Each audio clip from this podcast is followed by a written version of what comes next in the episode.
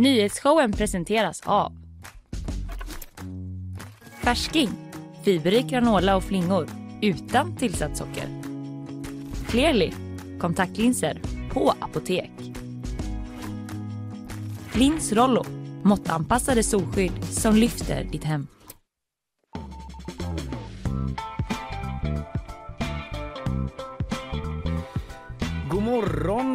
Kan man väl få säga som en helt vanlig person. Ja, det kan man. Det är torsdag idag, det är den 9 februari och du heter ju Linnea Rönnqvist som Det heter vanligt. jag. Och du har väl lite vanliga namn också? Ja, Kalle Berg, det stämmer Ja. mycket bra.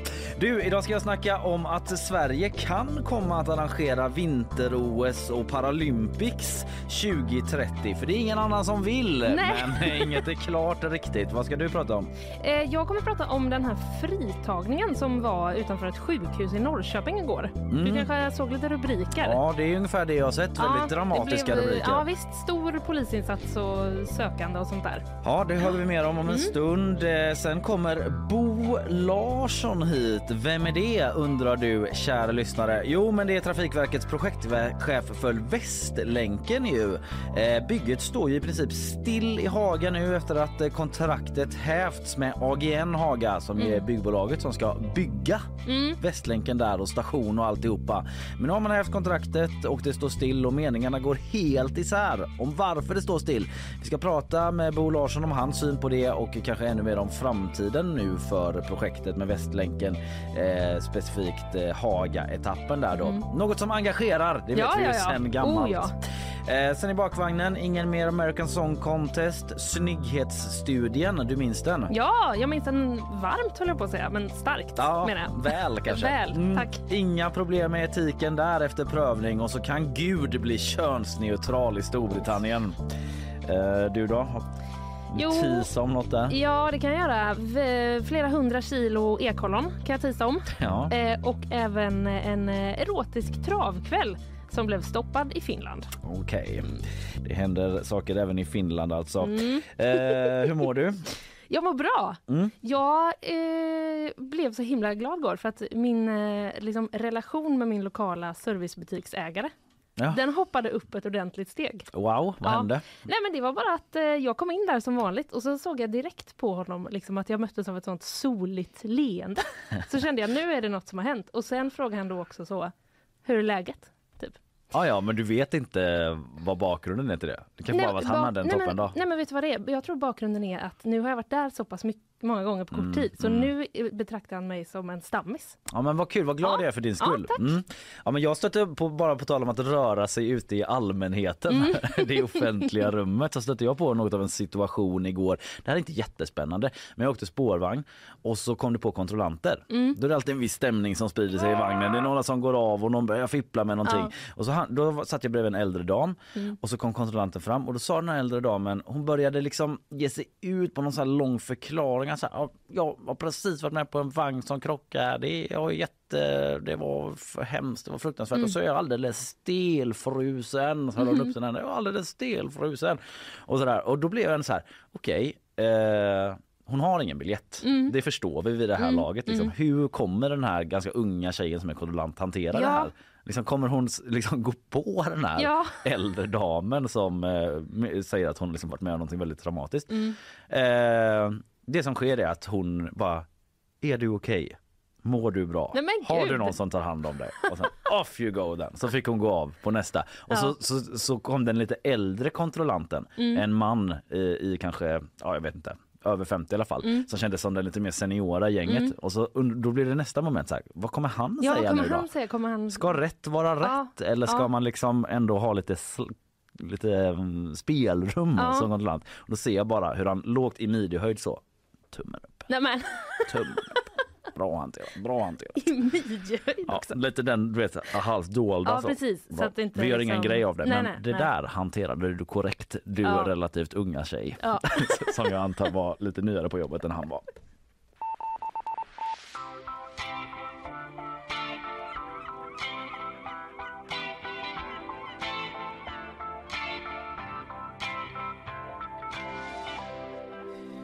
Först en helt annan grej, Linnea. Sitter du ner? Ja, jag sitter ner. Jag ser ju att du gör det. Men jag håller i mig ändå eftersom det är så högt här. Ja, håll i dig, ja precis. Här kommer en rubrik. Ny syntetisk alkohol lovar rus utan baksmälla. Kan bli väldigt populärt. Yes, jag kände just det. Kan det verkligen bli det? Ja, det här är en grej som har eh, bubblat ett tag men eh, nu så är en eh, väntar ett företag på godkännande från hälsomyndigheter i Europa och USA. Mm. Och det är en brittisk forskare då som har ett företag också som håller på att ta fram just en sorts syntetisk alkohol som de menar då man inte blir bakis av och inte heller ska vara beroendeframkallande. Va? Mm. Inte det heller? Nej, det är det man är inne på. Eh, David Nutt heter den här forskaren. Vad är det för galning egentligen undrar man ju som bjuder på den här möjligheten? Jag tänkte precis mm. låta den passera. Den Ansträngde mig men... Ja, nej, nej, ja, absolut inte Linnea. nej, den, den, den typen av värdighet ägnar inte jag mig åt. Den typen av high road tar jag icke.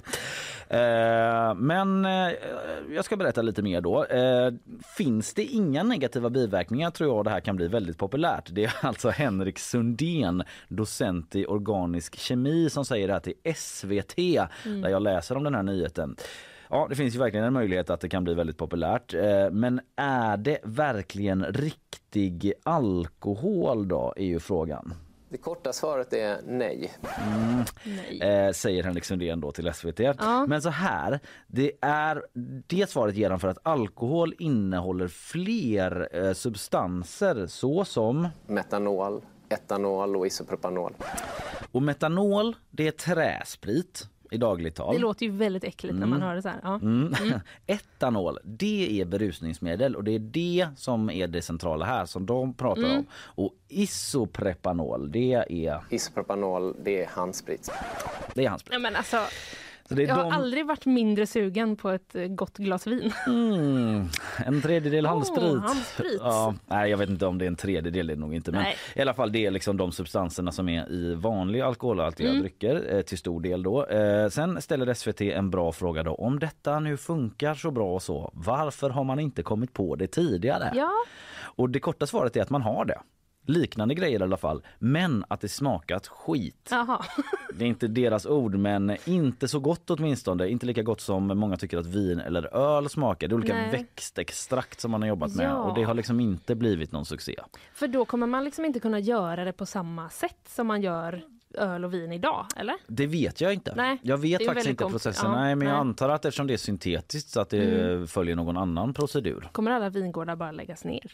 Så kommer det bli stora fabriker? Ja, man ser ju eller? en potentiellt helt samhällsomvälvande utveckling. Ja. Eh, men det kan ju också vara så att det inte smakar lika gott. Det, och det, det finns också mycket kultur kring Ja, det finns det verkligen. Det är en social dryck, mm. eh, tycker många. Men eh, lyckas man med det, då kan det bli en storsäljare som sagt, tror Henrik Sundén till SVT. Men återigen så måste man ju adressera sådana här frågor som är det giftigt?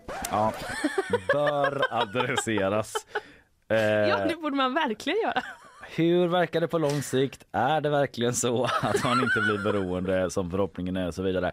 Och det som är nu då som jag inledde med det är att just nu så väntar företaget på godkännande från hälsomyndigheter i Europa och USA. Mm. Och den här forskaren har liksom goda förhoppningar. Mm. Eh, men vi får se. Eh, David Nutt eh, talar alltså om då forskaren som utvecklat syntetisk alkohol som gör att en person varken blir beroende eller får kraftig baksmälla dagen efter. Läser jag från SVT. Men inget är klart, inget är klubbat. Nej. Lite som Sveriges eh, OS-ansökan. Men det kommer vi till senare.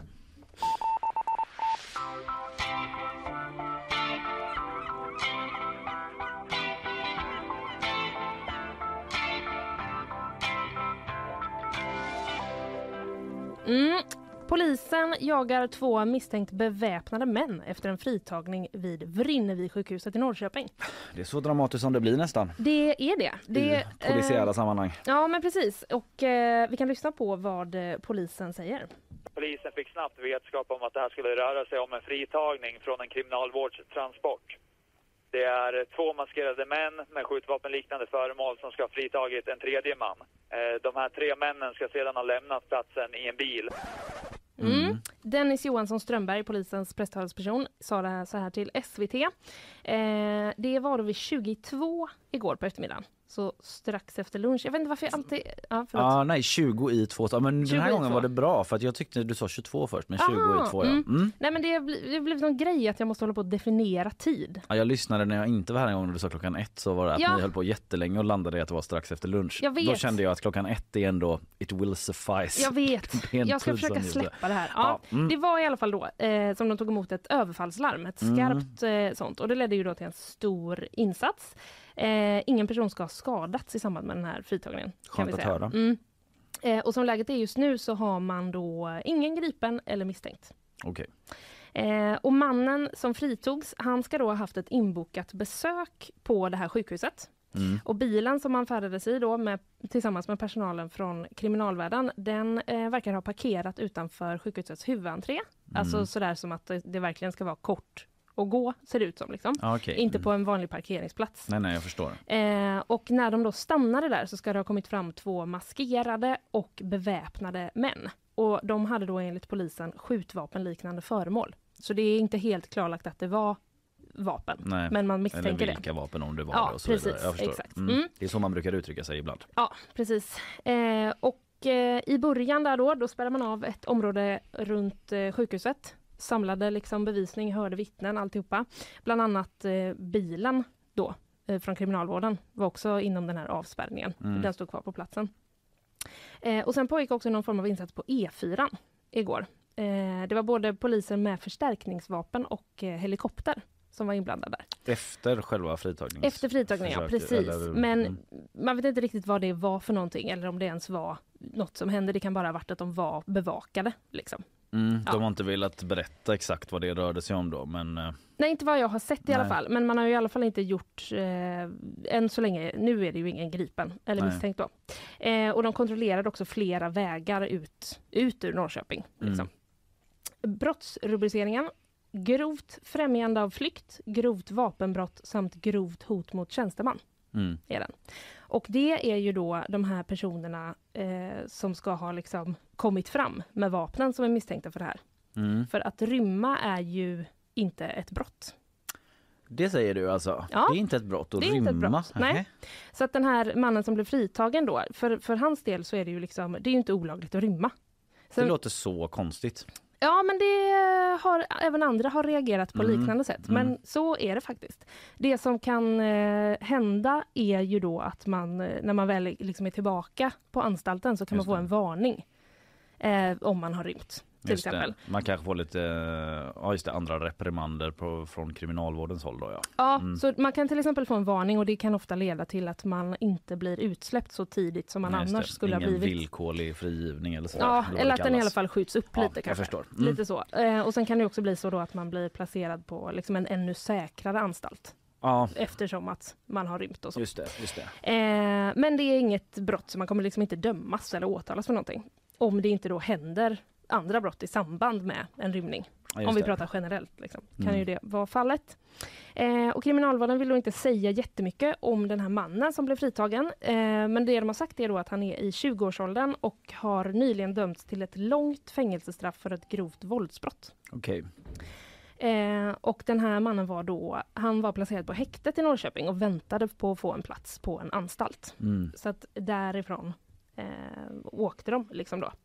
Eh, och polisen har gått ut och bett om tips. Man vill då att personer som har sett något ska höra av sig. Och mm. specifikt är man ju väldigt intresserad av bilen som de flydde i. Ja. Lämnade platsen.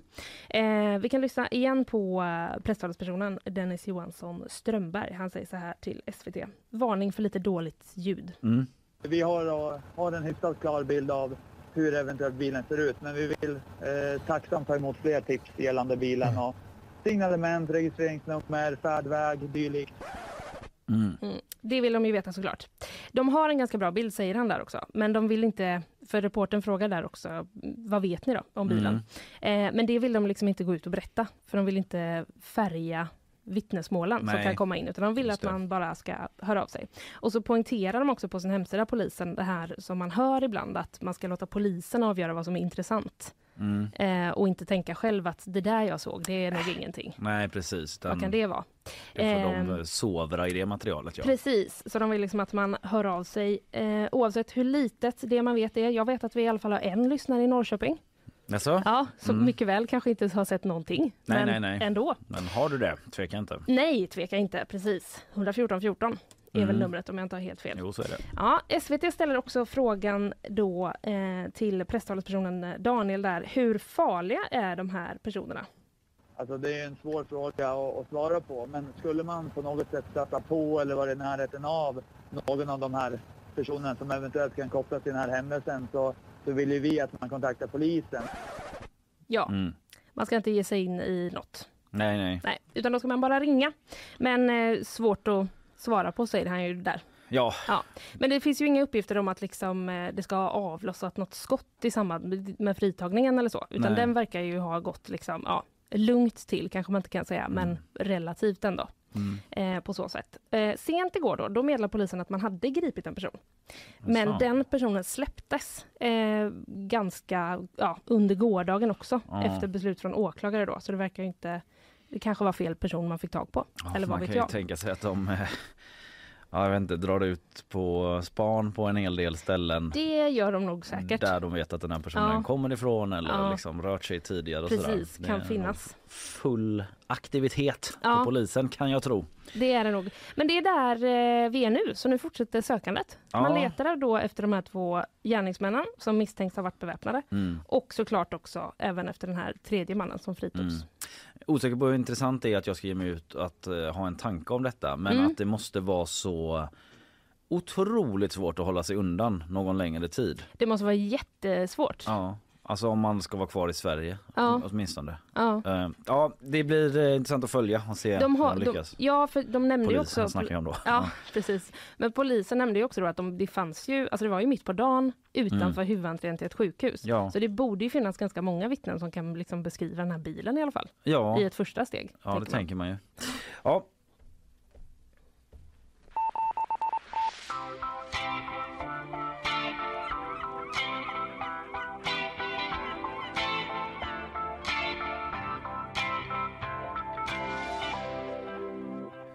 Ja, om en liten stund ska jag prata om eh, att Sverige är, eh, eventuellt i alla fall, det är lite Ja. komplicerat på gång att skicka in en ansökan om att eh, få hålla vinter-OS Mm. här på hemmaplan i Sverige, i Stockholm och lite andra orter. Men det tar vi om en stund för nu blir det sponsormeddelanden. Nyhetsshowen presenteras av Färsking, fiberrik granola och flingor utan tillsatt socker. Clearly, kontaktlinser på apotek. Lins Rollo, måttanpassade solskydd som lyfter ditt hem. Ja, sen kommer ju Bo Larsson hit också, eh, projektledare. Projektchef tror jag till och med. Chef om man ska vara korrekt och det ska man ju. Det är ju därför du är här Linnea, bland annat. Bara Men också för din härliga personlighet. En annan som har en härlig personlighet och som är korrekt det är Isabella Persson. God morgon. Ja, god morgon. Mm, du är ju här i vanlig ordning för att ge oss en utblick från den här lilla studion Ja. mot världen. Från Göteborg med blick på världen i ett nyhetssvep. Eh, jag säger varsågod. Turkiets president Erdogan har i ett uttalande nu sagt att räddningsinsatsen den första dagen efter jordbävningen gick för långsamt.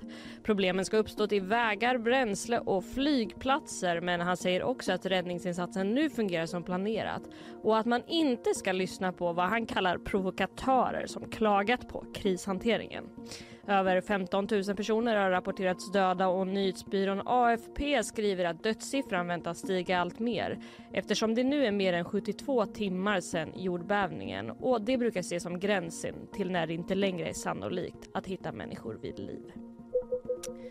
På en flygning från Lanzarote till Göteborg i måndags insjuknade en man allvarligt och medpassagerare bistod kabinpersonalen med hjärt och lungräddning. Men man konstaterade efter ett tag att mannens liv inte gick att rädda. och man beslutade att fullfölja resan till Landvetter. Men när man landade ska en ny sjukvårdsinsats inletts och enligt uppgifter till GP ska mannen haft svag puls när man anlände till Göteborg. Nu väcks kritik mot flygbolaget TUIs hantering av situationen. TUI själva beklagar det som hänt men säger att man hanterat händelsen utifrån de rutiner och den kunskap man haft. Varken Salgrenska eller polisen har delgivit någon information om hur det gick för den man som insjuknade.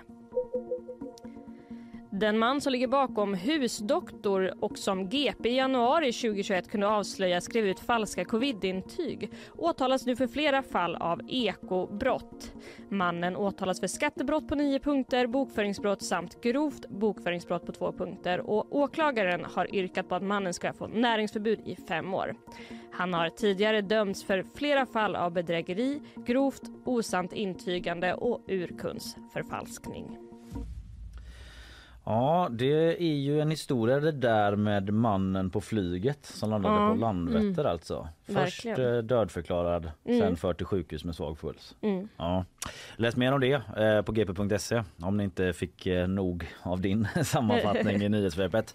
Eh, är du sugen på OS Isabella? Du är en sport, Eh, ja. sportintresserad person. Ja, Ja. som eh, privatperson då Mm. så blev jag ju väldigt besviken. Ja, du lägger in... ja, besviken. När vi inte fick det 2026. Precis. Det hade ju varit kul. Vi har ju varit sugna förr, Mm. men nu Mm. kanske vi har bättre chanser då. Jag ska berätta lite mer om det här alldeles strax. Tack Isabella!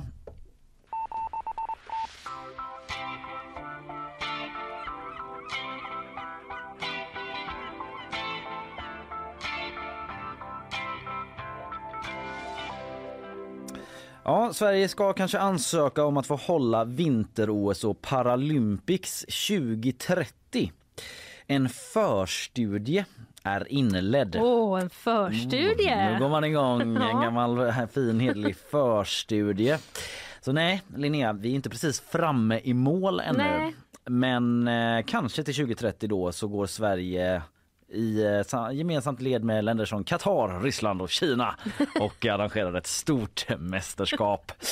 Eh, och, eller idrottsevenemang i alla fall då.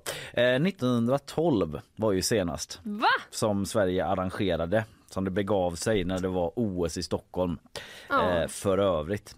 Eh, men enligt källor till SVT då så uppmanas Sverige att söka OS 2030. De är så eh, IOK bara kom igen, kom igen gör det då. Do it.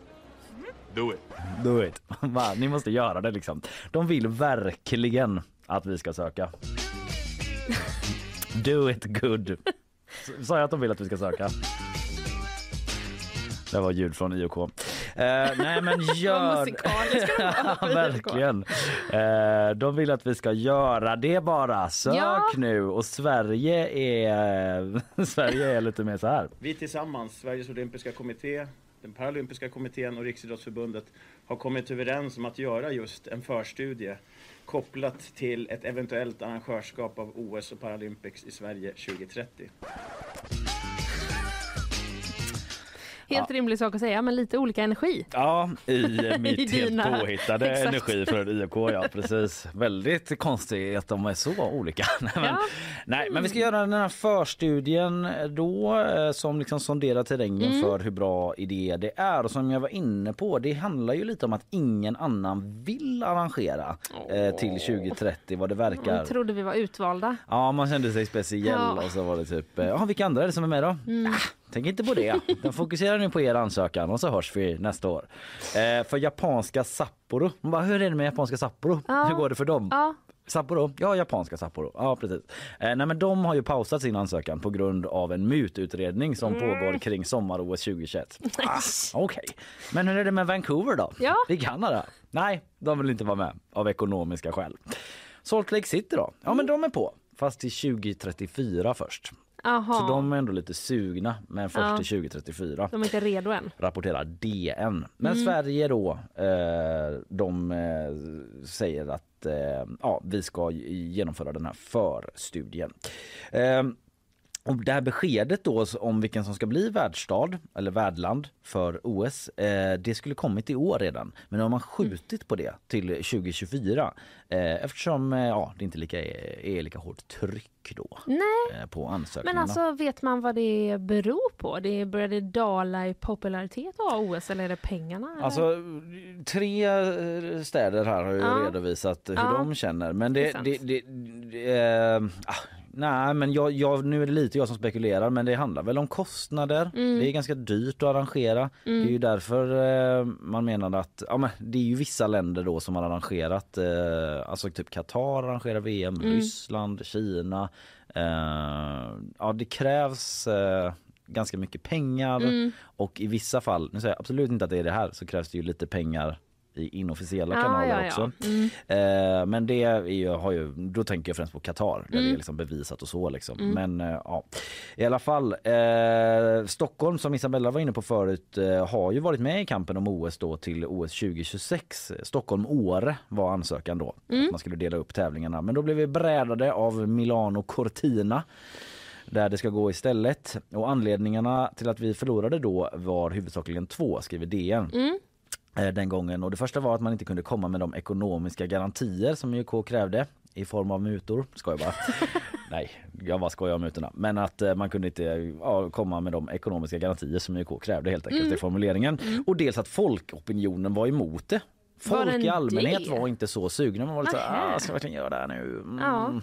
Eh, och hur känner du? Din Eh, opinion jag som del mig- av folket? Nej, men jag känner mig så bortkopplad. Typ så här, det skulle vara kul eh, om vi hade OS här såklart. Mm. Men eh, också hur mycket kostar det? Ja, du har ju inte hunnit kika Jag har inte på gjort eh, en in förstudie. och utgifter. Nej, Ingifter, det är väl inget Ingifter, ja. riktigt. Men, eh, jo- ingift morbror till Ja, exempel. Kan man räkna upp? Mm. Johan Esk på DN eh, som är sportkrönikör där och eh, reporter. Han skriver i en krönika att Sverige funderar på att söka OS och de hånfulla skratten ekar i det avlånga landet. De har inte jag hört Nej. riktigt men han är inne på då att eh, Sverige har sökt flera gånger Ja. och aldrig fått. Mm. Alltså det är inte bara 2016 utan det är även tidigare. Mm. Men nu då så kommer, när ingen annan vill göra det, så kommer man till eh, så här. Den internationella olympiska kommittén är i ett läge där paniken börjar sprida sig. Sju år kvar. Beslutet skulle egentligen fattas i år och ingen vill ha spelen. Ska man ens hålla, hålla på med vinter-OS då? Frågar sig Johan Esk. Eh, och fortsätter så här. Det är då IOK vänder sig till den eviga förloraren. Lallaren som är bäst i världen på att misslyckas med OS-kampanjer. Landet som borde ha haft ett vinter-OS för länge sedan men aldrig fått vara värd. För Sverige har sökt flera gånger men torskat. Ja, Nu känns det ju som att vi... Det känns ju inte så bra att bli beskriven så Nej. som...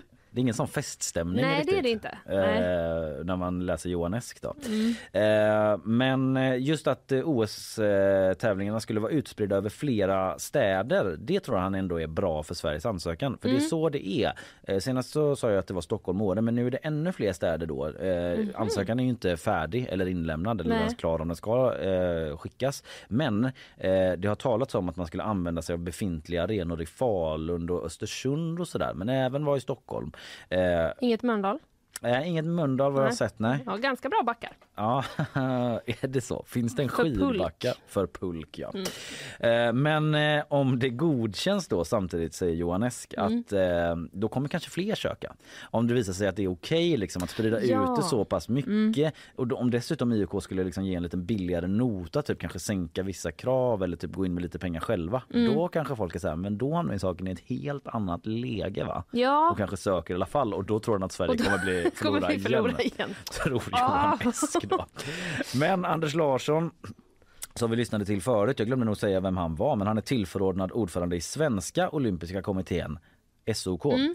Och han säger att IOKs förnyade process och filosofi om ett ännu tydligare fokus på hållbarhet passar oss som handen i handsken. Alltså att man inte ska bygga massa nya jättedyra arenor utan använda befintliga. Och där Mm. finns det ju skidanläggningar och så vidare Ja, i det Falun, Östersund och så. ändå, ett ja men precis, där har vi ju en viss Ja. infrastruktur när det gäller så. Det tror han är till vår fördel. Och han tror också att det här eh, kommer inte bara bli stort för eh, idrotten. så kan ju det bli någonting väldigt stort för den samlade, samlade idrotten. Men också någonting som kanske kan bli rent av en lägereld, något att samlas kring för hela Sverige. Sverigebilden. Ja, listan går att göras väldigt, väldigt lång. Bra för Sverigebilden, kanske en lägereld vi samlas runt Ja, och bara sjunger We shall overcome eller någonting. Jag vet inte. Eh, Men eh, sen ska ju politiker vara med på detta också. Det är ju Ja, flera steg i det här ledet. så är det. Och eh, Jakob Forssmed som idrottsminister han säger att det är för tidigt för regeringen att ta ställning till Ja. en potentiell ansökan. Då. Vi kommer att följa arbetet och ta del av slutsatserna säger han. Så där får vi liksom inga klara All besked. right, Ja. men en förstudie ska göras. Förstudien följer vi med stort intresse. Den ska vara färdig innan sommaren och den första delrapporten, ja, den kommer den 20 april.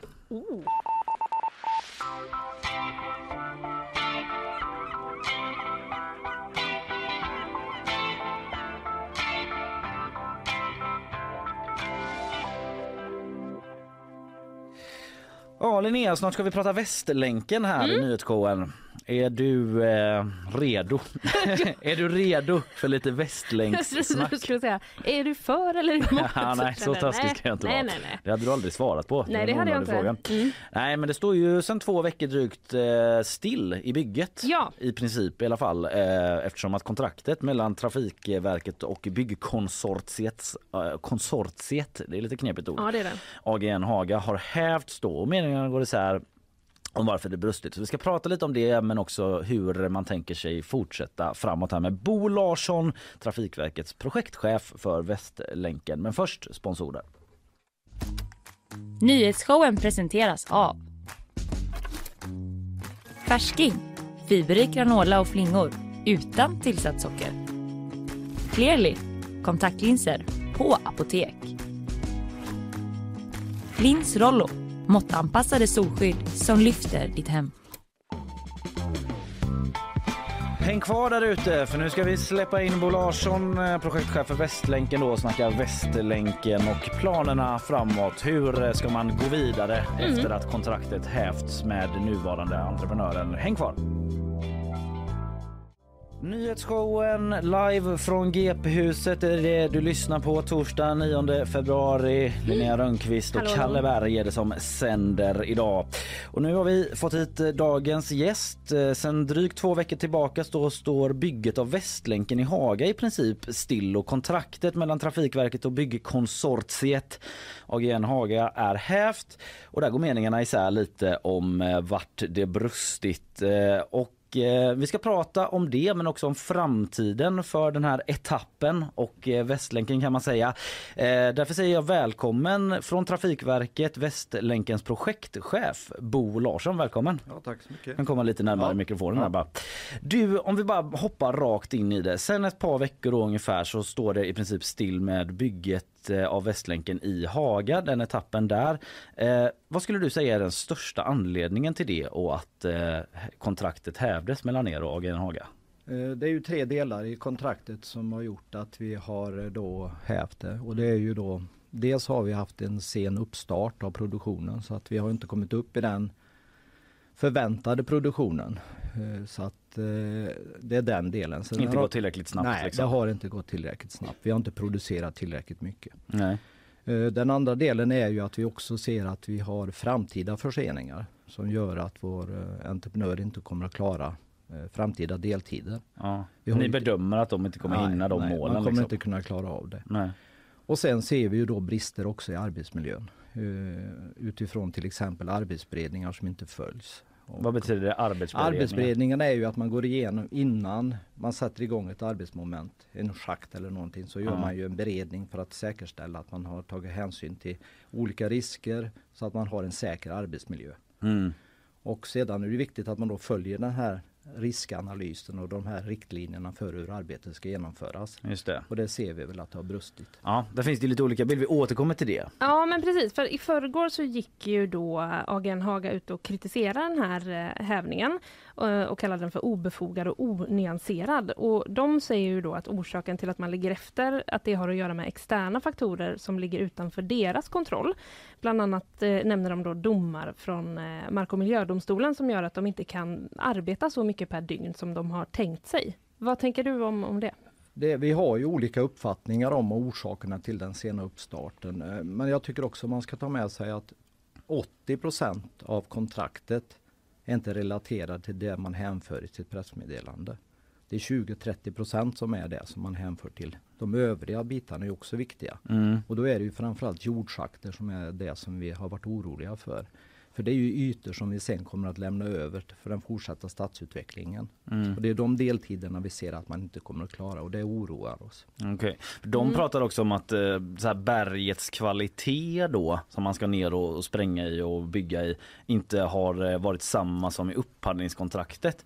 Eh, har ni också blivit, har ni blivit överraskade över hur det ser ut där nere? Ja, nej inte överraskade men det är ju prognoser vi arbetar på så att man gör ju förundersökningar tidigare i planeringsskedet och så gör man ju prognoser på hur berget ska se ut. Ja. Och det är ju inte alls onormalt att man kommer till ett skede eller en, en front, en bergfront i eh, tunneln som är att oj, här avviker det från prognosen. Mm. Och då tar ju Trafikverket fullt ansvar för det och säkerställer att ja, ja, men då ersätter vi extra för det om det är mer komplicerat. Eller Så du menar att man har fått liksom någon sorts respit i så fall för att det är annorlunda? Ja, vi, och det gör man ju. Man måste kunna påvisa att det har uppkommit en avvikelse. Och det här är ju vår vardag. Varje dag så jobbar vi ju mot ett kontrakt som är vårt ramverk Ja. för att eh, hantera eventuella avvikelser. Ja.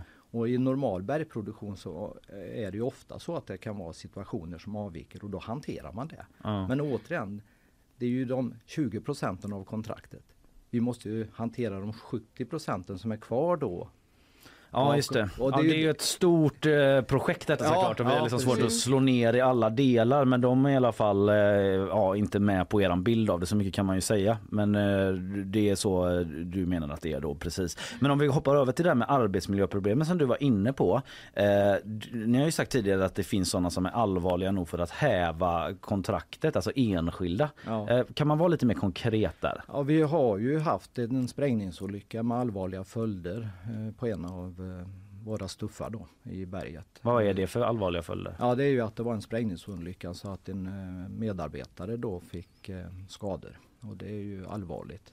Men sen har vi också haft skred i arbetsområdet och vi vill ju naturligtvis att vi ska ha en säker arbetsplats så att alla medarbetarna, Trafikverkets medarbetare men också våra entreprenörers medarbetare har en säker arbetsplats. Mm. Mm. Eh, ja men precis, för det, det- det där eh, sticker ju ändå ut lite för vi på GP pratade då med eh, AGN Hagas styrelseordförande Alejandro Urciolo. Han sa till oss då den 4, 24 januari att det finns noll problem, noll. Vi har också utomstående granskningar som inte visat något. Så här har ni ju väldigt olika Ja, uppfattning. eh, jag kan inte kommentera eller jag vet inte riktigt hur, vad han refererar till när han säger att det inte finns noll incidenter. För det finns ju incidenter och det tror jag vi båda är medvetna om. Mm. Det är svårt att reda ut Ja, det- exakt ja, i det men- här ja. läget att det finns olika bilder. Men, Men- ja, förlåt. Men, men jag tror ju att vi både AGN och vi i Trafikverket är överens om att det inte finns noll tillbud. Det tror du? Ja, Okej. det är vi övertygade om. Får återkomma med en kommentar där kanske från eh, AGN då Mm. om de eh, håller med om det men det verkar de inte ha gjort i första läget i alla fall. Men att ni har så himla olika, hur kan det komma sig att ni har så olika bild? Ja, det är jag- nog jag- många som reagerar ja, på jag det. förstår Ja. det att utomstående tycker vad håller ni på med? Liksom, Det är ju klantigt och vad, vad gör ni? Men eh, man måste förstå att kontraktet är ju baserat på att man skriver ett, ett kontrakt, ett ramavtal som man ska följa. Mm. Eh, Ett ram eh, som vi då jobbar med i vardagen. Varje dag så är det avvikelser från kontraktet och det hanterar vi. Det kan ju vara lättnader men det kan också vara saker som gör det svårare att producera eh, produktionen. Mm. Och då reglerar vi det kontinuerligt genom att skicka underrättelser till varandra. Mm. Och det kan vara små saker och det kan vara väldigt stora saker. Så det är ju vår vardag att vi hela tiden har olika uppfattningar. Dels hur vi ska tolka kontraktet Mm. men också till exempel vad är bergkvaliteten? Mm. Är det försvårande eller kan det vara förenklingar som gör att det går att producera snabbare? Och det är ju någonting vi hanterar varje dag.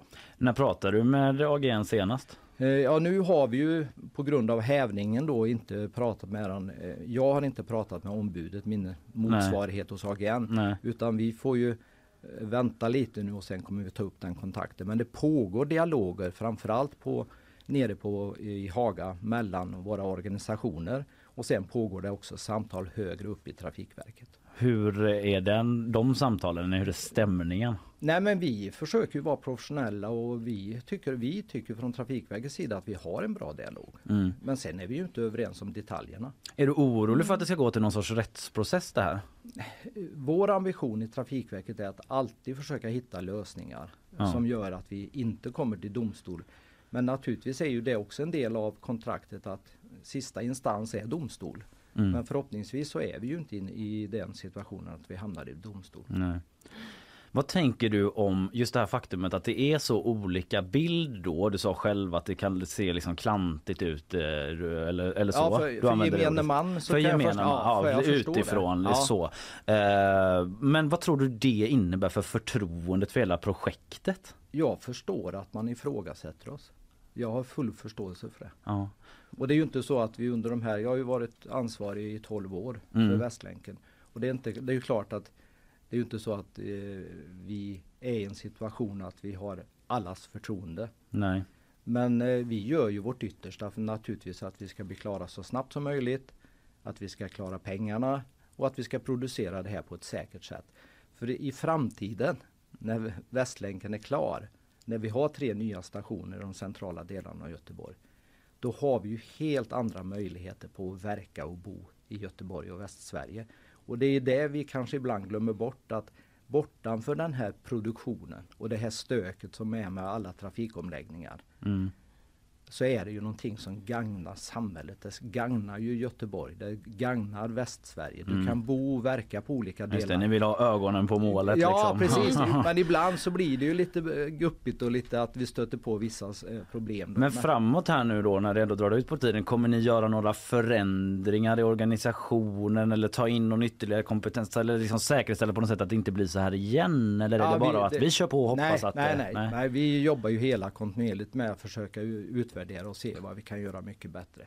Men det är också viktigt att 2026 då har vi ju en tillfällig säckstation som gör att vi tillför ett kapacitet i järnvägssystemet. Mm. Så att vi, då kommer vi vara klara med centralenområdet då. Men säk- ja förlåt Det- ja. Jag går igång, så det är så intressant tycker jag. Ja. Mm. Nej, men det, kom, det kommer bli som eh, ja, en likadan typ av station som Göteborg central är idag. Men Ja. flera tåg kommer Ja, kunna komma in precis. samtidigt. Ja, och vi kunna, kommer att kunna läft, eller flytta ut då eh, Alepen, nej, Alependeln, Alingsåspendeln och bo, det som kommer från Bohusbanan in i den tillfälliga säckstationen. Och då frigör vi kapacitet på den nuvarande säckstationen. Men samtidigt var ju säckstationen det man ville bort från från början. men, visst. Ja. men nu är vi ju den Men nu har vi en lite bättre säckstation. Vi har två i alla fall. En nyare. Ja, ja. Ja, och det är ju lite det som att, det är ju naturligtvis vi är ju inte glada för det var ju inte det som var vårt uppdrag men vi försöker ju hantera den situationen som vi nu har kommit i. Mm. Och vi tog ju beslutet om hävning utifrån att vi valde mellan olika alternativ. Och vi anser att det här var det bästa alternativet. Sen är det klart får det konsekvenser. Och det är de vi försöker hantera nu. Mm. Men ehm, det här kanske är en jättestor fråga, men ehm, är det just på grund av eh, det här som har hänt nu i Haga-etappen som gör att man har tagit det här beslutet om eh, säckstationen vid Centralen? Eller varför har man Nej, kommit fram till det? Vi är ju egentligen i samma situation också i, eh, i Korsvägen. Mm. Där vi har också de här förhandlingarna som pågår på olika delar inom organisationen. Mm. Och där vi har en eftersläpning i upp, i uppstarten. Mm. Och vi får väl säga det, vi är inte riktigt överens där heller. Kan det bli fall om att häva kontrakt där också? Eh, inte i nuläget. Nej. Vi försöker hitta och där har vi Men är du orolig att det skulle kunna vara ett scenario? Det är ju ett scenario. Vi jobbar ju alltid med olika scenarier för att säkerställa att om den faller ut så får vi ju hantera den situationen. Och det är ju lite som en sak som har varit på kritisk linje för oss har ju varit eh, detaljplanen norr om Nordstan. Mm. Där vi har de västra uppgångarna i centralen-etappen. Den låg ju på kritisk linje för oss att vi skulle kunna få en lagakraftvunnen detaljplan för att vi skulle kunna bygga våra uppgångar där. Mm. Och då hade vi ju ett scenario, vad händer om inte vi får den i tid? Då jobbar vi med ett parallellt spår, vad gör vi då? Men nu faller, föll inte den risken ut. Men jag tänker, nu, nu blir det lite hypotetiskt och vi kanske inte ska in i det för mycket då, men säg att det skulle bli ett liknande problem även i ytterligare en etapp, Haga och så en till. Eh, då, då, alltså, då är det två av tre va? etapper som Ja. det hackar. Tycker du man kan tala om en liksom förtroendekris då? Jag förstår det. Jag Ja. förstår det. Det är klart att eh, man har ju ett förtroende så länge tills man inte har ett förtroende. Så är det ju. Ja, och när man inte har det, vad sker då? då kommer det säkert att ske förändringar. Att någon får avgå, typ du eller? Det, det är ju ett scenario. Ja. ja. och jag kommer ju göra mitt yttersta för att vi ska säkerställa det tills någon annan säger något annat. Ja. ja. Ehm, jo men eh, alltså om man backar lite, eller tänkte du ta något annat Linnea? Nej, kör du. Om man backar lite då till den här eh, upphandlingen. Eh, eh, jag läser från en eh, artikel som vi gjort på GP från 24 januari där det står så här. När upphandlingen, lägger jag till här då, om vem som skulle få bygga etappen i Haga alltså, avgjordes, då var AGNs bud, anbud, alltså de som ni har haft kontraktet med nu, ungefär en miljard billigare än det näst billigaste anbudet. Dessutom, när entreprenörernas skicklighet bedömdes rankades AGN klart lägst. Eh, slut citat. Eh, så här i efterhand då, när man läser det. Vad, tänk, känner du att ni kan, hade kunnat liksom sätta andra krav i upphandlingen eller är du självkritisk till att det blev som det blev? Eller det låter lite konstigt. Ja, jo, jag förstår det. Eh, Och det vi gör är ju naturligtvis att vi utvärderar ju alla våra upphandlingar för Mm. att se hur kan vi möta marknadens önskemål om eh, hur ett, ett kontrakt ska byggas upp och hur vi ska handla upp. Eh, Och det här vi gjorde då, och nu är det ju snart tio år sedan vi eh, gjorde de här valen och då, eh, då gjorde vi ju de här bedömningarna utifrån att hur mycket mjuka parametrar ska man vara med i utvärderingen till hur mycket ska vara priset. Och till, kombinerat det tillsammans så blir det utvärderingskriteriet. Och vi gjorde ju den bedömningen utifrån att vi såg ju att det var ett relativt lågt anbud då. Men det var ju inte onormalt. Och det ställer vi ju frågan till entreprenören. Står ni för ert anbud? Står Mm. ni för ert pris? Ja, säger man då. Och det är ju, vi har ju en lagstiftning som vi måste följa så att vi kan ju inte avfärda någon Nej. utifrån, utifrån att man har satt ett för lågt. Så är det Men, eh, och det är ju det som är vårt ramverk. Vi Ja. måste förhålla oss till det. Men hade ni kunnat ställa högre krav på skickligheten till exempel i upphandlingen? Ja, men det där är ju en balansgång utifrån att vi värderar ju på ett, en föreslagen organisation. Vi tar ju referenser på tidigare genomförda projekt. Mm. Det ingår ju i själva utvärderingen. Ska jag vara närmare? Ja, lite, ja. ja. Och, och det är ju det som ingår och sen får vi utvärdera. Så nästa gång man gör en upphandling så kanske man har andra parametrar som man väljer. Mm. Och det är klart att vi måste ju vara självkritiska eftersom vi hamnat i den här situationen. Ja, för till byggvärlden, den tidningen, så eh, sa du att det är ett misslyckande det här. Det är klart det. Ja, vems är misslyckandet då? Ja, det är ju mitt. Jag är ju ansvarig. Ja, Och jag är ju ansvarig för genomförandet. Det är viktigt att ta med sig. Jag ansvarar ju för själva genomförandet av det här projektet. mm. Men då känner du att det är en tid liksom för att självrannsakan och gå vidare? Eh, Självrannsakan gör vi varje dag. Ja, det gör ni varje dag. Ja. Eh, Okej, ja, vi har redan varit inne på eh, lite då framåt eh, med eh, om ni liksom, ja, men behöver ni ta in någon liksom ytterligare kompetens typ eller? Hela tiden så Ja. har vi ju organisa utvärdera organisation, jobba med organisationerna. Mm, mm, Men vi anser att vi har den kompetensen vi behöver för att kunna genomföra det här. mm, Och det är ju viktigt att vi ställer ju villkoren och genomför de villkoren och följer upp de villkoren vi har i kontraktet. Men produktionen Mm. och planeringen av produktionen det gör ju våra entreprenörer. mm. Men samtidigt då, det är ju några av de vad jag förstår det som svårare momenten kvar i bygget Mm. vid Haga, under Hagakyrkan och det är liksom eh, i Haga-etappen. Eh, och nu står vi här idag med ett hävt kontrakt. Eh, eh, är du orolig för framtiden? Jag är inte orolig men däremot så har vi ju respekt för det vi ska genomföra. Och, Mm. och det innebär ju att vi vill ju verkligen genomföra utifrån ett säkert produktion, att vi ska producera på ett säkert sätt. Mm. Så att vi vill ju inte störa de som bor till exempel i Haga mer än nödvändigt. Vi Nej. vill ju verkligen säkerställa att vi genomför det här att säger vi att vi ska stänga av den här vägen då, då ska vi göra det. Mm. Det kan inte vara så som att vi har varit i en situation att vi har sagt att vi ska gå ut och stänga av en väg eller att vi ska göra en sprängning och så sker det inte. Nej. Det skapar ju verkligen ett förtroendekris Mm. för Trafikverket och projektet. Men om man funderar på vad, vad den här hävningen och stoppet i Haga just nu, vad det kan innebära. Alltså finns det något scenario, för jag tänker det påverkar ju påverkar ju mer än bara hållplatsen eller stationen och även liksom runt omkring folk som har eh, ja, men, eh, investerat och sådär. Eh, alltså företag som ja, kanske vill... Precis, ja, precis. Hotell, det är det jag menar. Det är det jag menar. Tack. Eh, men jag tänker, finns det något scenario där man tänker sig att liksom, man lägger ner Haga-etappen? Det har jag väldigt svårt att se. Mm. Ja. Det... Vi har ju vi har en intervju med eh, ja, men en man, nu har jag tappat namnet på honom faktiskt, men som har varit väldigt engagerad Mats där. någonting heter han, förlåt. Ja, Lövgren. Ja, Mats Lövgren. Ja, du känner till ja. honom. Han är väldigt engagerad i frågan som privatperson. Ja. Och, så där. och han är ju så här, okej okay, nu står det still. Ah, det kommer inte bli någon västlänk där säger han. Eh, alltså, det får ju stå för honom. Men du är inte alls eh, orolig på det sättet att man bara cementerar igen det här nu och nej, så glömmer vi det. Nej, så att säga. Nej, men det, det, är ju så. Man måste ha respekt för de här stora projekten. Det finns ju projekt som har blivit klara i tid.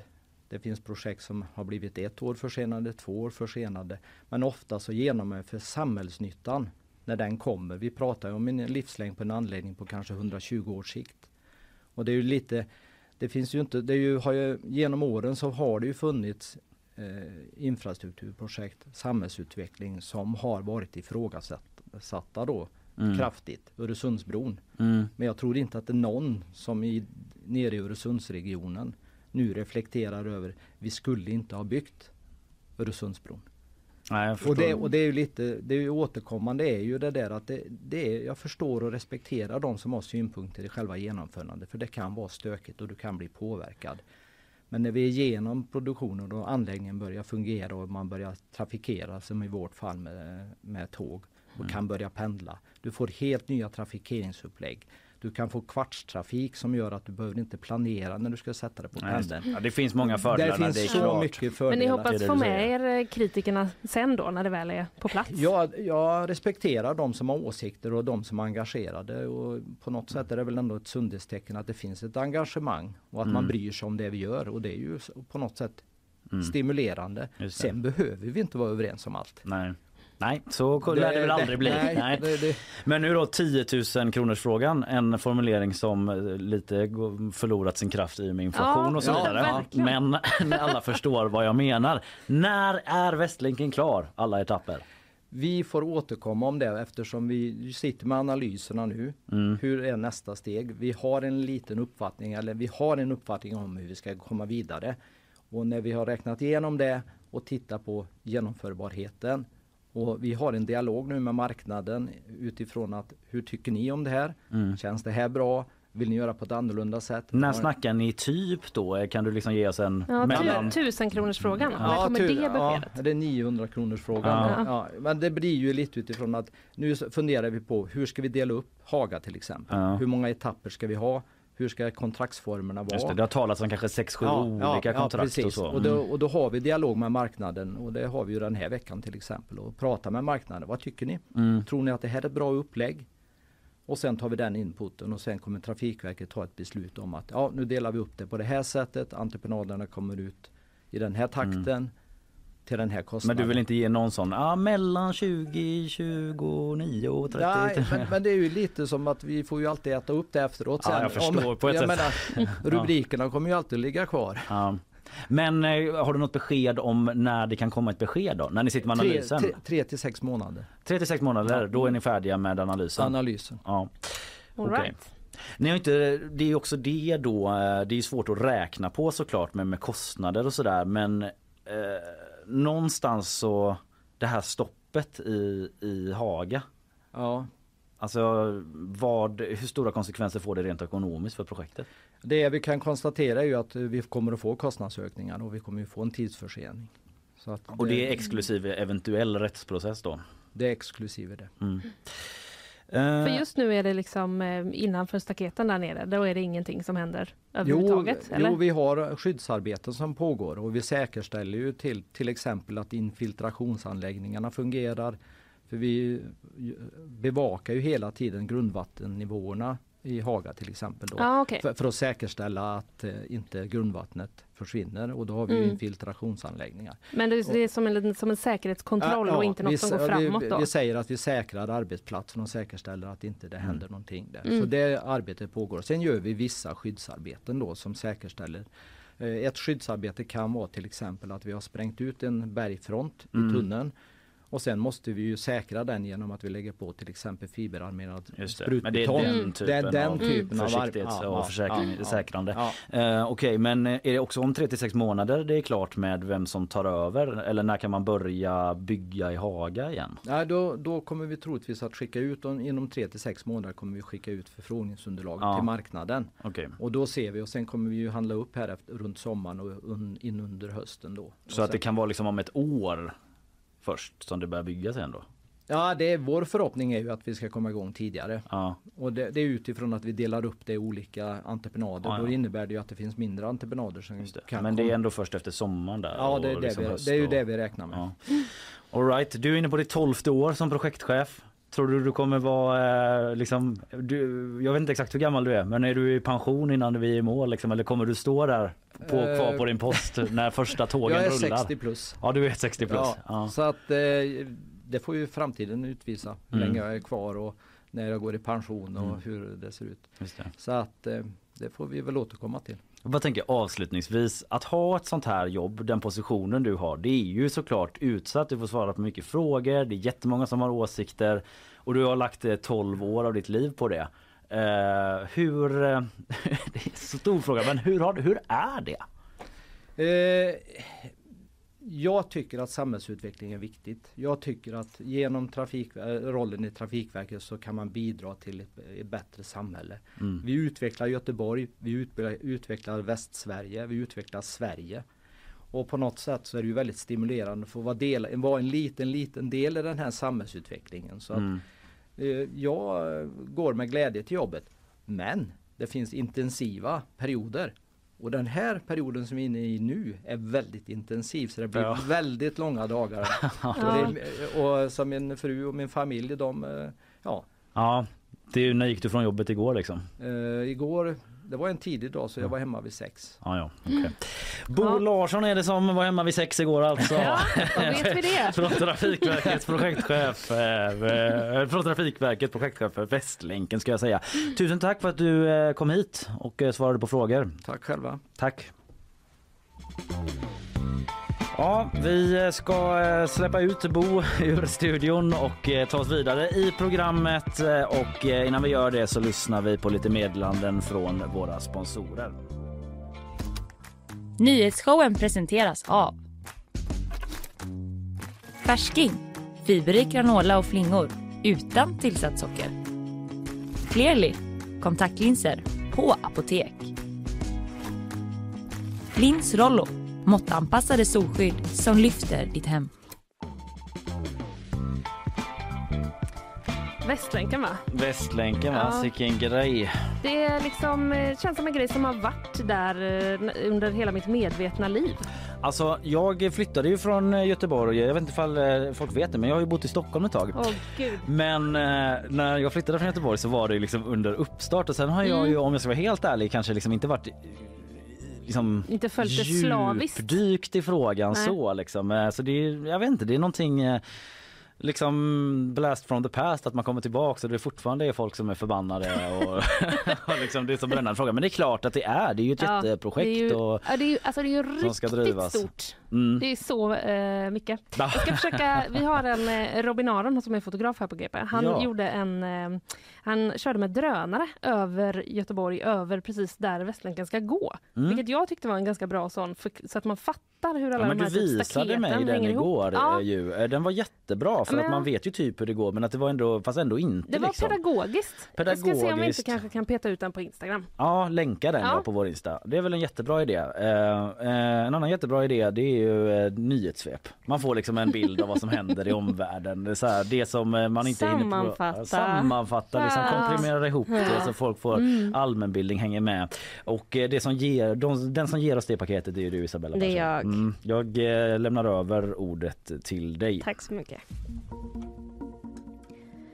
Dödsfallen fortsätter att stiga efter jordbävningen i Turkiet och Syrien. Över 15 000 personer har nu rapporterats döda och nyhetsbyrån AFP skriver att dödssiffran väntas stiga allt mer eftersom det nu är mer än 72 timmar sedan jordbävningen. Och det brukar ses som gränsen till när det inte längre är sannolikt att hitta människor vid liv. På en flygning från Lanzarote till Göteborg i måndags insjuknade en man allvarligt och medpassagerare bistod kabinpersonalen med hjärt och lungräddning. Men man konstaterade efter ett tag att mannens liv inte gick att rädda och man beslutade att fullfölja resan till Landvetter. Men när man landade ska en ny sjukvårdsinsats inletts och enligt uppgifter till GP ska mannen då haft svag puls när man anlände till Göteborg. Nu väcks kritik mot flygbolaget TUIs hantering av situationen. TUI själva beklagar det som hänt men säger att man har hanterat händelsen utifrån de rutiner och den kunskap som man haft. Varken Salgrenska eller polisen har delgivit någon information om hur det gick för den man som insjuknade. Volvo Cars försäljning har ökat kraftigt men vinsten och lönsamheten minskat. Det är resultatet som företaget nu redovisar i fjärde kvartalet. Omsättningen uppgick till drygt 105 miljarder att jämföra med drygt 80 miljarder samma period under 2021. Samtidigt minskade då rörelseresultatet från 3,7 till 3,4 miljarder och har enligt företaget orsakats av leveransproblem, nedstängningar i Kina och höjda material och logistikkostnader under året. Nu under förmiddagen kommer besked från Riksbanken om styrräntan och ekonomer spår att räntan kommer att höjas med 0,5 procentenheter och landa på 3 procent. Riksbanken balanserar just nu att inte bromsa ekonomin för mycket genom att höja räntan samtidigt som man vill bromsa inflationen som fortsätter att vara hög. Ekonomer spår att inflationen kan komma att gå tillbaka till målet 2% i november i år vilket i så fall skulle kunna innebära räntesänkningar under nästa år. Oj, oj, oj, räntebesked. Ja. Mm. Det är väl också, om jag inte har helt fel, Erik Thedéens första, nya riksbankschefen. Det stämmer. Jag blir nervöst, eller bara spännande. Nu kommer det liksom vara överbelastat på Riksbanken Play. Ja, det kommer det. Premiär för Thedéen. Eh, Men du eh, har någon sorts pluskonto antar jag, så det är inga problem Ja, för dig. jag har löst det. det in. Förtur i streamen. Okej, eh, tack för det Isabella. Vi ska vidare in på fler nyheter.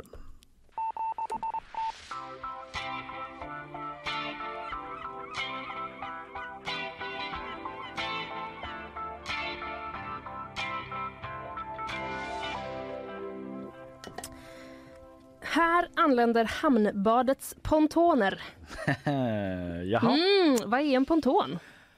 Ja, det är sådana flytgrejer i Ja, vattnet. exakt. Om jag ska använda facktermer. Ja. Hoppas alla hänger med där ute.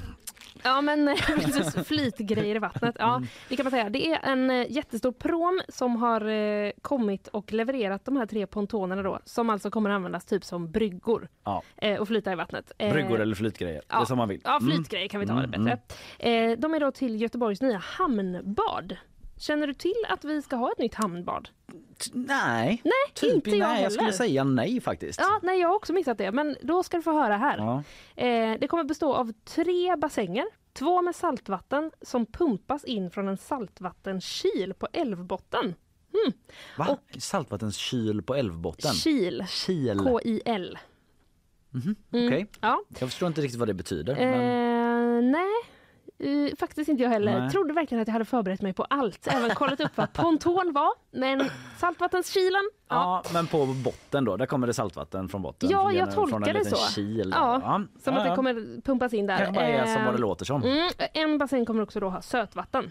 Mm. Eh, och de här ska man alltså kunna bada i eh, då, vid Frihamnen. Ja, ja. ja, för jag tycker ibland att man har hört om såna grejer. Eh, Ja, men men det ju- samtidigt som att man säger ja, nej men det blev väl ingenting eller vad var det nu igen? Att det liksom Nej, kommer och exakt går. så är det. Det är som att jag tänker på det ibland och så får jag liksom aldrig grepp om tanken. Nej. Att jag bara är så, nej men jag hörde något men jag fattar inte. Ja. Men vi har ju haft en eh, bassäng i Frihamnen Ja. som man har kunnat bada i redan tidigare. Ja. Pearl Harbor. Ja det är, Det är väl ändå bastun Det som är- står där. Okej. Mm. Men eh, nu... Hjälp. Ja, Ja. men vi, vi blickar framåt. Ja. Nu kommer det tre Ja. nya bassänger då. Eh, det är alltså tre såna här jättestora pontoner som har kommit in på en prom. De har fraktats runt hela kusten från Västervik där de har Mhm. tillverkats för de var för stora för att köra på väg. Okej. Spännande. Stora pontoner i Västervik Jaha visst. har de. Det är inte Mm. klokt. Den största, vet du hur stor den var? Nej, Nej. ingen aning. 10 gånger 24 meter. Den största Nej, pontonen. stort. Ja, det är en stor stort. Ja. Emily eh, hjälper mig här också. Det är ju absolut Pearl Harbor som är bassängen. Svetterkyrka heter ju bastun. Det är en Ja. konstig ja. ordvits på bastu annars med Pearl Harbor. Ja, eller hur? Mm. Ja, det är jättekonstigt. Mm. Ja, men det, det kanske det sätter fingret på att jag uppenbarligen Ja. inte har koll på badsituationen. f- förlåt, Mm. okej de här pontonerna är på väg in. Det ska bli tre olika pooler. Ja, precis. Den, Ja. den största här då som jag nämnde nu, Ja, den kommer ja. bli som en mittenbrygga Ja. eh, och kommer ligga mellan några bassängerna då. Mm. Och sen så kommer man helt enkelt kunna bada. De kommer inte ha någon botten, de här bassängerna. Nej. Ganska ovanligt för en bassäng. Men eh, de kommer, i, längst ner kommer de ha ett eh, nät som ska eh, då eh, ja, men, hindra från att man simmar ut. Ja det kanske är att det simmar in eh, Du, fisk och sånt också kanske. Att det ska hindra till exempel sälar från att simma in. Ja Mm. jag förstår. Så det är både till för att hindra insimning och utsimning. Kanske man kan få sig lite lunch där om man dyker ner. Ja. Hitta en makrill. En liten makrill. Ja. Men sa Ehm. du förlåt eh, vart de här poolerna skulle ligga någonstans? Frihamnen. Frihamnen. Mm. Mm. Dit kommer de. De invigs den 4 juni. Jaha, så då kan man alltså dra till Frihamnen och Ja. bada i pooler? Ja, och framförallt kanske titta på de här jättestora pontonerna. Mm. Ja, det är ju där du Beroende på till. vad man har för intresse. Kom så med kan man ner, vi badar! välja. Och du är typ, nej jag trivs bättre här, på pontonen. Mysigt där då. Göteborgs tjuren Ferdinand. Ja, nej men det är det. Och till, till eh, hösten kommer också den nya bastun att stå klar. Den som vi, Mm. som vi nämnde. Eh, Svetterkyrka. Ja, den är inte klar. Jo, men den har ju varit klar och stått Ja. där. Men den, eh, fan, vi måste uppdatera oss på badsituationen ja, känner men jag. den är förvirrande. Ja men den är det. Ja. eh, nej, men den har ju, den hade ju något, det var ju något problem med den så man måste bygga om den. Bygga upp den igen. Men det kommer bli precis så som den såg ut innan. Men en ny version liksom av den kommer komma. En sista fråga. Mm. Finns det på gp.se bilder på pontonerna? Ja! Det gör det. Vet du vad? Det Mm. finns till och med video. Nej men Mm. sluta! Ja. Det finns framförallt i Stockholm det som jag beskriver som ett klägg. Ett klägg av människor som går runt och kindpussar varandra. Ursäkta? Håkan Juholt Jo, jo. från dokumentären om honom. Ja, ja. Mm. Klägget i Stockholm. På tal om det, nej jag vet inte riktigt, men efter floppen, ingen American Contest i år. Alltså Nej. Melodifestivalen i USA. Mm. Det var ju mycket snack inför och Christer Ja, ja, ja. Björkman var där och Peter Settman var Ja. där och de sålde in och de hade möten med eh, de stora katterna. ja, framförallt minns jag att de sa att de hade möten. Ja det var mycket snack om de Ja. här mötena. Att det var, Ja. Men jag är också jättenyfiken på det. Du Mm. vet sådär, eh, vad, vad får man att dricka? Ja! När man kliver in på Vad har på NBC. sig? Vad har Hur de har på de liksom- sig? Vad är det liksom för tilltugg Ja. och upplägg och sådär. Nyfiken på det. Möteskultur, sånt Ja. som jag intresserar mig för. Men eh, nu blir det inget American Song Contest i år. Eh, det gick ju väldigt dåligt för den. Ja, det gjorde det va? Ja. Var det Snoop Dogg och Kelly Clarkson? Eller har jag hittat på det? Nej, mycket riktigt Ja. är det så som var programledare. Mm. Precis. Eh, och då tävlade alla delstater mot varandra och sådär och liksom följde ett liknande upplägg som Melodifestivalen. Typ, fast här tävlar man ju inte alls eh, landsändar Nej. mot varandra. Men typ eh, baserat bara på det känns som att det hade kunnat gå bra.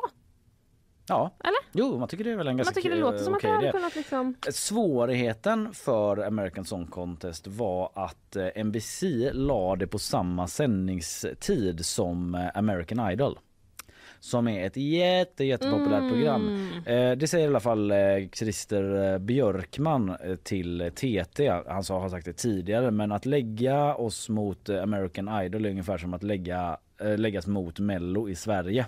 Mm. Alltså typ att man skulle komma med ett nytt program. Typ här är Calaberries quiz. Det ska gå lördagar klockan åtta under mellosäsong. Det blir försnack och eftersnack. Ja, det var sån tumbleweed och syrsor som gästar programmet. Liksom. Ingen vill vara där ens. Uh, nej, men så det väl det som är problemet då. Men Christer Björkman säger ändå till Aftonbladet att det är möjligt att det skjuts till 2024. Att man ändå Mhm. plockar upp det igen då. Så han vill inte döda det helt. Nej. Eh, även om han pratar om att det är väldigt svårt att nå igenom bruset i USA. Mm. Ja, så, eh, så är det med den saken. Så Kohl är ohyggligt upprörd när han kommer in. Så sätter han sig och så börjar han liksom på att äta smör. är någonting med de här före detta politikerna och deras Mm. konstpauser. Ja, Göran också. Persson är ju fenomenal på konstpaus. Ja. Lite sosse-tema här blev det visst. Ja, det blev Mm. det. Ja. Mm. Eh, då är det jag. Jo, då är det så här. Finland ska vi till. Ja. Erotisk travkväll. Blev- Jajamän, Blev stoppad. Blev stoppad. Så inte jajamän. Nej. Men eh, eh, en liten eh, udda kombination konstaterade vi ju Mm, här mm. eh, innan att det känns. Det är då Björneborgstravet, ursäkta om, ja det kanske man säger annorlunda, men eh, de hade planerat in någonting alldeles extra en kväll i travets och erotikens tecken. Mhm. Mm. Men det föll inte förbundet på läppen. Nu har travbanan tvingats backa från planen. Okej. Ja, Hur skulle det här gå till? Ja, Den här men erotiska kvällen. Ja, jag är på gp.se och eh, läser. Det var då tänkt, skriver vår kära kollega, att eh, det skulle hetta till ordentligt den 3 mars på travbanan. eh, det var en temakväll då som planerad i samband med tävlingarna och den skulle heta Erotic Night Live. Mm. Och här blir det lite märkligt, eller här studsade jag i alla fall, för sen, sen står det så här, sexleksaker och dess korrekta användning skulle presenteras. Eh, Ja, det är Mm, information där. just det. Och sen eh, skulle det också hållas föreläsningar för att moka, motverka sexuellt våld. Dessutom skulle det hållas en modevisning. Vad, en modevisning också. Vad Ja. Vilken matig kväll. Det känns som att det är liksom inslag. flera olika kvällar på samma kväll. Ja, precis. Och att man känner hur ska övergången funka här? Den här kanske du tror att du ska köra upp där bak. Men då ska jag tala om för dig att alltså man liksom instruerar då Ja. olika Ja, sexualiteter. det står till och med korrekt användning inom citationstecken så den är Mm. nog... Eh, Det är ja. ett citat liksom, med formulering. Oj, du, så här säger eh, inte Banans tävlingschef utan Banans tävlingschef eh, Joa Järvenpä. Servitörerna kanske hade varit klädda lite annorlunda än tidigare men det hade varit inom gränserna för god smak. Mm. Okej. Det är Ja. också eh, väldigt eh, subjektivt va? Den goda smaken. Oerhört Mm. subjektivt. Ja, För att vissa skulle kanske hävda att liksom en sån sexleksaksinstruktionskväll Mm. inte nödvändigtvis faller under den goda smaken. det kan man ju hävda. Ja. Ring Edvard Blom. Och lite grann blev det ju så, för det blev Mm. ju inget eh, av den här kvällen efter då att Travförbundet kritiserade eh, evenemanget. Eh, deras VD Minna Mämpe... De bara wow där! Stoppade det så. För så säger de. Easy there! satt i sulken och läste ett mejl och bara "Ah!" Oj, nu gjorde jag nästan sönder de här också. Eller vad säger Ja. man när ska... Ja. Så sa de eh, nog, men de sa också så här. Eh, ja, men jag, har, jag har inte förbjudit Björneborgsborna att ha erotik. Eh. Nej, det hade väl varit strängt. nej, nej, nej. Även för att vara Finland. Ja, det hade varit strängt. Förbjuda en hel kommun eller stad eller vad det nu kan vara. Från Travförbundet också. Ja, Travförbundet förbjuder erotik i stora delar av Finland. En rubrik. Är det möjligt? Då blir det en till sån. Ja. Kan ni ens göra det? Ja, det är någonting som vi får pröva i eh, domstol och högre instans. Vi ser fram emot att det prövas. Det. Va?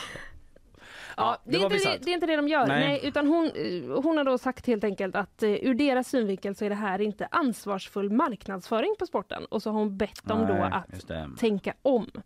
Nu eh, har de då bytt namn på evenemanget till Ladies Night. Jaha.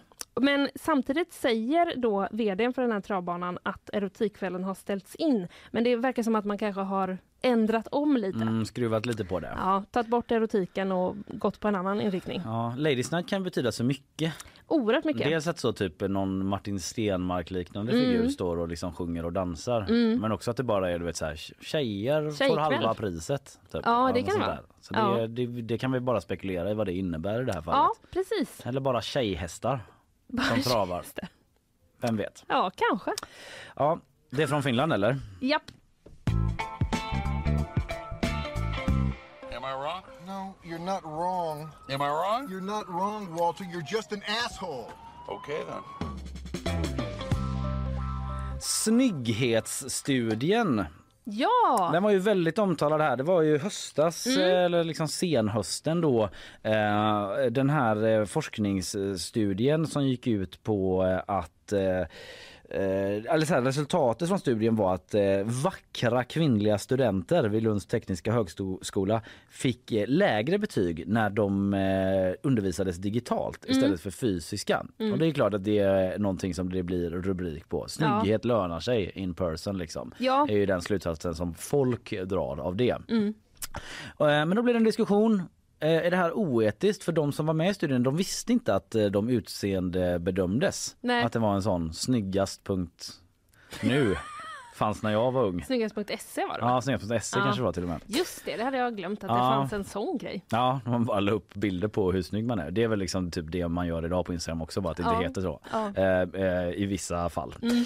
Eh, I alla fall, eh, de visste inte det att deras utseende betygsattes och det väcktes kritik och då har den här studien granskats då och nu har de fått grönt ljus från överklagande nämnden för etikprövning. Oh. Den bedöms ha gått rätt till den här eh, studien rent forskningsmässigt. Okej. Eh, Det känns bra att det är över. Det säger Adrian Mehic till eh, Sydsvenskan. Det är han som ligger bakom studien. Det, blir, det är aldrig roligt att bli anmäld. Samtidigt har jag hela tiden vetat, att jag gjort, vetat vad jag har gjort och varit trygg i att det varit korrekt, säger den här doktoranden Mehic. Då. Och han kommer JO-anmäla an, an, ansvariga på universitetets nämnd då för den här etiknämnden för hur de har hanterat ärendet i sin tur. Jaha, Så han kommer gå vidare på det sättet. okej, en liten fortsättning Ja, på det. precis. Hade du blivit eh, upprörd om du eh, mot din vetskap blev bedömd för ditt utseende? Eh, ja, eller... eh, Hade du känt dig kränkt, Nej men alltså, om, om det var någon som tog typ mitt så... Nej just det, det var bilder från sociala medier minns jag nu att det var. Ja, ja, precis. det var men inte någon som hackade väl- din webbkamera Nej, typ. det hade väl kanske inte känts... Det kanske inte är det mest bekväma jag kan Nej. tänka mig. Men det var väl också så jag för mig att i alla fall en del av de här som var med i panelen som betygsatte var också gymnasieungdomar. Ja, det skojar väl lite om här. Ja, Ja. det var väl lite olika. Som ju eh, eventuellt eh, kan vara lite... ja, förlåt, jag kommer bara att tänka Ja, på men det. som kanske är lite så, lite lätt utseendefixerade Ja, kan man ju vara i den ja, eh, Men åldern. samtidigt vet jag absolut inte om jag skulle vilja att någon bedömde mig utifrån min personlighet. Nej. Och rankade den på en etta till tia. Fick liksom högre betyg digitalt, Linnea Rönnqvist i text. Så när jag hör eh, Jimmy Åkesson här prata om klimatfrågan då kommer jag att tänka på ett sånt här flaskskepp, ni vet. Hur kom du in hit egentligen? En gammal klassisk burn från Jonas Ja, Sjöstedt. stark burn. Ja. Ja. Vilken, vänstervridning på bumprarna Ja, idag. ja, ja. Men det är på politik vi har typ bara eftersom högern är i regeringsställning. Ja, så har det. jag försökt väga upp lite grann Just nu. det. Ta lite gamla före detta partiledare också För bara. balansens skull. Ja. Ja, eh, vi stannar inte i Finland utan nu ska vi till Kalifornien. Mm. Mm, här, eh, jag har kuppat in den här nyheten för jag tyckte den var så rolig. Det där ja. Eh, eller ja, den är ju godkänd också såklart. Det är inte så att någon har sagt gör den inte! Nej. Och så har jag tagit den ändå. Den är bara full med att du liksom hänger ut olika människor så. Den är liksom Ja. inte alls kontrollerad Nej, nej, nej, nej, nej, nej. Så här är det då att eh, det finns en man som heter Nick Castro. Han jobbar med skadedjursbekämpning i Kalifornien. Okej. Han fick ett samtal till sin firma eh, om ett hus där de behövde hjälp. Det var någonting, det verkade vara ett dött djur i väggen. Mm. Eh, och då tänkte han, det här är ju ett eh, rutinärende för mig. Jag sticker dit och eh, kollar. Han öppnade då upp ett litet hål i väggen. Mm. Men när han eh, gjorde det så lät det så här.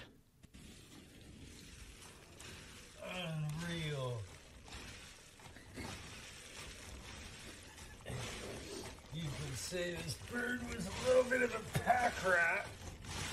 Holy, bro. This is crazy. Mm, vill du gissa vad det var? Eller du kanske vet? Holy bro vad det är. Det var ett bra det är ett kraftuttryck. Ja. Ja, Nej, jag, jag Nej, vet inte. det här är då alltså- skottar ut grejer. Ja, det här är ljudet från när han liksom med sin hand bara så gröper ut ekollon ur väggen. Alltså de, det första som händer när han öppnar är att det bara så forsar ut massa ekollon. Och sen fortsätter han liksom att typ så här skotta ut dem då. Men de bara fortsätter komma och komma. Vet du hur mycket ekollon det var?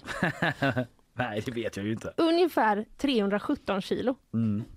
Alltså det är så mycket ekollon. Det är himla mycket ekollon. Jag menar, tänk om du har någon gång plockat ekollon. Du kanske du plockar 10. Vad väger de?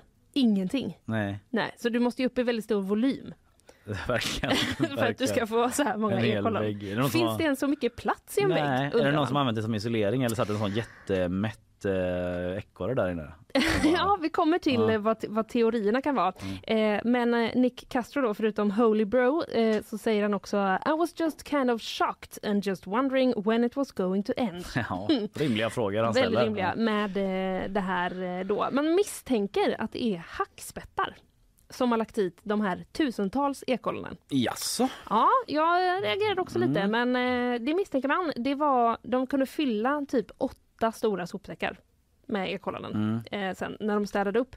Eh, för att det han gjorde då var att han fick såga upp två ytterligare hål i väggen eh, och för att plocka ut liksom alla ekollonen. Mm. Och sen så har han då, så säger han här också att när han liksom bar ut de här påsarna till sin truck så såg de eh, både hackspettar och eh, liksom, eh, fler ekollon utanför huset.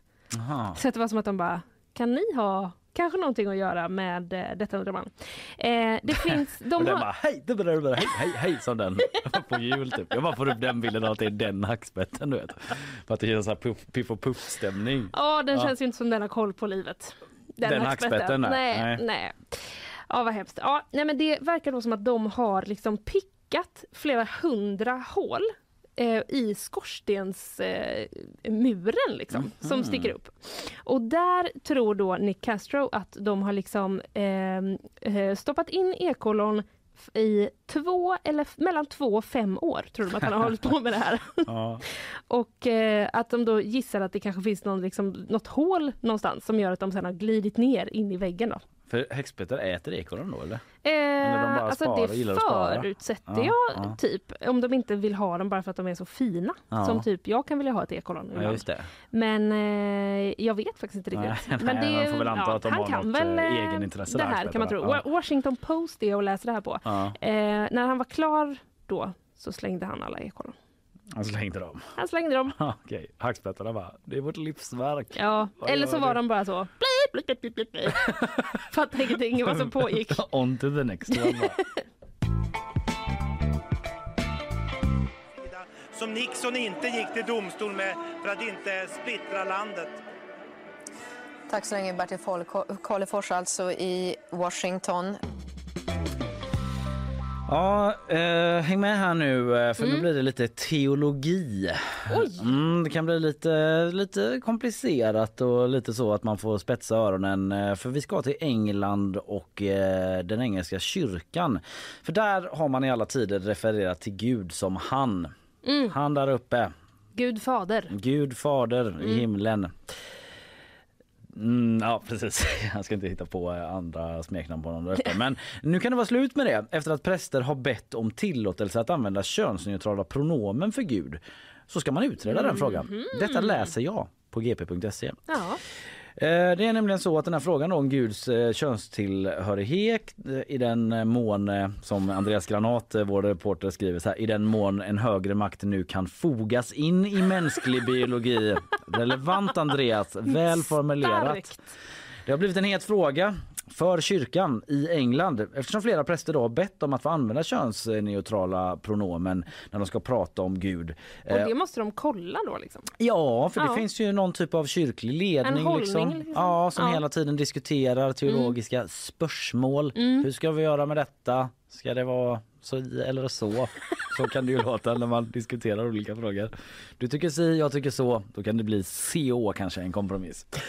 Men eh, The Guardian är det som skriver om det här då och eh, de ska de under våren eh, påbörja det här arbetet. En kommission, pronomenkommission Mm. som eh, ska se hur eh, man ska göra med eh, detta. Ehm, eh, och så enligt The Guardian då så har kyrkan liksom utforskat användningen av könsbaserat språk i relationen till Gud i flera år. Så det har ändå varit eh, eh, en aktiv fråga liksom, som man har Ja. funderat på. Det är inte en nyhet på så sätt. Eh, det säger eh, Michael Ipgrave, biskop av Litchfield och vice ordförande i den liturgiska kommissionen. Oj! Det du. Ja. I likhet med andra potentiella ändringar av auktoriserad liturgisk bestämmelse skulle en ändring av ordalydelsen och antalet auktoriserade former av absolution eh, kräva en fullständigt eh, synodisk process för Nej, godkännande. men säger nu han. har du gått in på någon föreläsning vid eh, Humanistan här. Ja, nej, men det Ja. kan man tänka sig. Men det är den typen av liksom intellektuell Ja, höjd Ja. de opererar på i den Mm. eng- engelska kyrkan. Mm. Men det är också då vad det skulle in... Det är lite oklart då om man skulle få slå igenom detta, liksom, att man ska ha en mer könsneutral gud. Eh, vad det skulle innebära för, eh, vad det skulle få för följder. Till exempel Fader vår Mm. som är i himmelen. Ja. Ska man säga det då? Eller ska man säga så, föräldern vår som Ja. är i, i himmelen? Ja, det måste de Mappi ju... använder sig vissa av. Ja, men som ett liksom sådär könsneutralt eh, mamma pappa ord. Jaha! Har, vet, känner jag till. Och liksom så här, hur skulle man då? Ja, det känns ju också som en fråga som den här eh, liksom, eh, kommi- var det kommissionen Ja, kommissionen. som eh, de eh, behöver titta på. Det kanske blir så där att de får liksom inskickat, lite som typ ett språkråd. Ja, det. Så får de liksom inskickat frågor från olika biskopar i hela landet som säger hej, Kanske. Eh, jag, jag tänker mig att de kommer sitta och liksom ha en diskussion och där, stöta och Mm. blöta. Konservativa röster då har kritiserat det här förslaget. Pastor Ian Paul säger att det skulle innebära avsteg från kyrkans läror. Citat. Faktumet att Gud kallas fader kan inte, kan inte bytas ut mot moder utan att betydelsen ändras och inte heller kan det göras könsneutralt med förälder utan betydelseförlust. Fäder och mödrar är inte utbytbara mot varandra utan relaterar till sin avkomma på olika sätt, säger han. Jaha. Ja, jag vet inte, det blir åtminstone ett himla korrarbete att jobba Ah, igenom, ja. trycka upp bi- bibeln igen liksom. Det blir det. Och, och, så eh, antar jag. Jag har aldrig lusläst bibeln, det ska jag vara ärlig med. Jag har inte heller lusläst men... Eh, Eh, liksom lusläst, men lusläst menar jag läst överhuvudtaget. Eh, om Ja. för att vara liksom extra jag tydlig. har läst två sidor. Ja, men någon sådär, där. Mm. ja precis, det var också jag typ på gymnasiet. Jag ska läsa Jag bibeln med. så jag har typ argument i diskussioner. Läste två sidor. Sen jag bara- Ja, men det jag så det... tunna sidor och så liten text. Ja, det är jättetunna sidor. Ja. Bara gå, det kan inte vara liksom en sekundmeter vind. Nej. Då är det liksom helt så. Det är som att om man försöker bläddra och så bara förstörde man en hel Mm. sida. Det kanske kommissionen också kan ta sig en titt på. Det skulle de kunna Vad skulle ta. det innebära i papperskostnader Ja, och hur tjock skulle ja, det just det, liksom, väga mycket mer Pärmar skulle... Ja. Ja, det är en annan fråga. Men det är en lite mer praktisk karaktär på den frågan. Det Ja, här det är är en lite mer intellektuell karaktär som jag tycker var lite intressant Mm. bara. Så Kohl är ohyggligt upprörd när han kommer in. Så sätter han sig och så börjar han liksom på att äta smör. Ja, Helmut Kohl är det ju som eh, sätter i sig smör där för Ja, att eh, hämta energi inför framtida toppolitiska möten. Mm. Ikväll är det du som är tillbaka i quizstolen. Ikväll? Så är det. Ja, jag det menar imorgon bitti. Vad chockad jag blev. Ja. Har vi bytt sändningstid? Ja. Undrade jag. Nej, det har vi inte utan det är imorgon ja. det. Ja, det är det. Men imorgon är en annan dag. Ja. Som jag brukar säga. Eh, vi tackar för idag. Idag har vi haft gäst Bo Larsson, eh, projektchef för Västlänken från Trafikverket. Mm. Eh, han var här och pratade om det senaste stoppet eh, för eh, Haga-etappen. Vad pågår där? Varför går meningarna isär? Vad händer framåt? Eh, det finns en viss oro för att det ska bli stopp i flera etapper fick vi reda på. Ja, Även där lite mot problem i Korsvägen. Korsvägen. Ja, lite Ja. problem som de tittar på. Eh, tyckte jag var intressant. Ja. Bland annat mycket intressant i den intervjun. Sen har jag pratat om den här nya alkoholdrycken utan baksmälla det. som är under prövning nu då och dessutom då Sveriges eventuella OS-ansökan Mm. som kan komma att lämnas in eh, efter sommaren. Och Ja, du har pratat om Ja, men jag eh, berättar lite om den här fritagningen som skedde igår. ledde till en jättestor eh, polisinsats i Norrköping. Mm. Eh, vad jag, nu har jag inte haft full koll under tiden vi har sänt här men i alla fall då eh, så har ingen ännu gripits där. Man letar efter två personer som man misstänker kan vara beväpnade. Då. Just det, det följer vi under dagen. Mm. gp.se adressen om du Grattis vill ha. till, förlåt, grattis till Fanny som har namnsdag såg jag. Oj, är Ja, det sant? wow. Just det, eh, rapport från Fanny Wik. Rapport från Fanny Wik ja. Ja, just det. Just det. Ja, det kanske Ja. blir någon mer imorgon. Ja, Det får vi se. mm, Eh, Fanny är i Norge och åker skidor för kontext. Eh, Men vi är tillbaka imorgon. Tack så länge. Hej, vi. hej, hej, hej, hej.